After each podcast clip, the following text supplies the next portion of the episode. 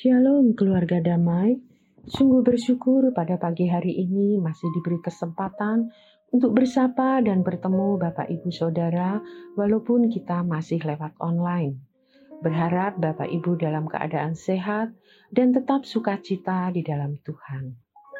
Keluarga damai yang terkasih, sama pagi ini mengambil tema tinggalkan kehidupan lama, jadikan manusia baru yang didasari dari Kolose 3 ayat 9 dan 10. Demikian firman Tuhan.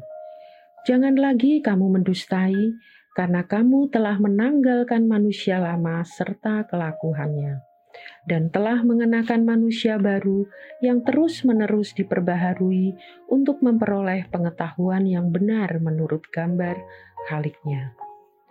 Sudah berapa lama saudara menjadi Kristen?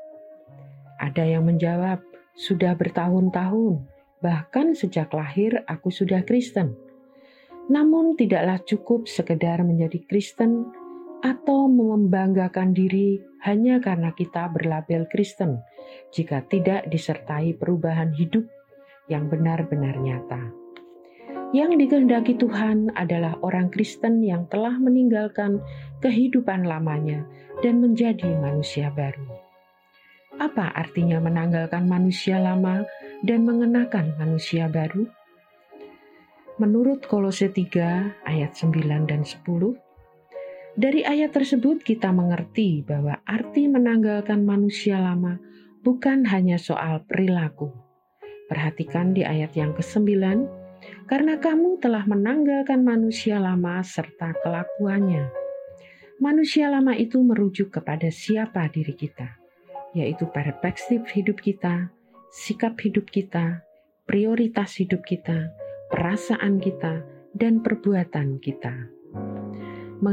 Mengenakan manusia baru, dalam kolose dijelaskan di ayat yang ke-12, karena itu sebagai orang-orang pilihan Allah yang dikuduskan dan dikasihinya, kenakanlah belas kasihan, kemurahan, kerendahan hati, kelemah lembutan, dan kesabaran. Dalam sekolah Kristus, inilah baju seragam yang harus kita kenakan. Kita belajar dalam sekolah Kristus untuk ditransformasi menjadi orang yang berbelas kasih, bermurah hati, rendah hati, lemah lembut, dan sabar. Seperti tertulis di dalam 2 Korintus 5 ayat yang ke-17, Siapa yang ada di dalam Kristus, ia adalah ciptaan baru yang lama sudah berlalu, sesungguhnya yang baru sudah datang. Keluarga damai yang terkasih di dalam Kristus Yesus, sebagai manusia baru, sudah seharusnya kita tidak lagi mengenakan tabiat manusia lama kita, tetapi mengenakan tabiat Kristus, dan kita hidup menurut pimpinan Roh Kudus. Namun, banyak orang Kristen masih bertabiat manusia lama, Buktinya adalah seperti gambaran di Alkitab. Masih ada percabulan, kecemasan, hawa nafsu, penyembahan berhala, sihir, perseteruan, perselisihan, iri hati, amarah, kepentingan diri sendiri, roh pemecah, kedengkian, kemabukan, dan sebagainya. Untuk bertumbuh menjadi manusia baru, Langkah yang harus kita lakukan adalah membuang cara hidup manusia lama, menjadi serupa dengan Kristus, dan hidup dipimpin oleh Roh Kudus. Jelas bahwa dosa adalah faktor penghalang utama persekutuan kita dengan Tuhan. Maka dari itu, jangan pernah menyimpan dosa masa lalu yang terus menghantui dan yang menghambat pertumbuhan rohani. Akuilah supaya darah Kristus bekerja menyucikan dosa-dosa kita. Sebab jika kita mengaku dosa kita, maka Ia adalah setia dan adil, sehingga Ia akan mengampuni segala dosa kita dan menyucikan kita dari segala kejahatan. 1 Yohanes 1 ayat yang ke-9. Sediakanlah banyak waktu untuk belajar firman dan bersekutu dengan Tuhan, sehingga kita semakin mengenal pribadinya lebih mendalam dan bisa meneladani hidupnya. Ini juga berarti kita mau dipimpin oleh Roh Kudus dan tidak lagi menuruti keinginan sendiri. Hidup yang telah dibenarkan dalam Kristus akan melahirkan kesucian hidup, kecintaan terhadap Allah, akan pekerjaan Allah, dan kebencian terhadap dosa. Keluarga damai yang terkasih, mari kita periksa diri kita saat ini.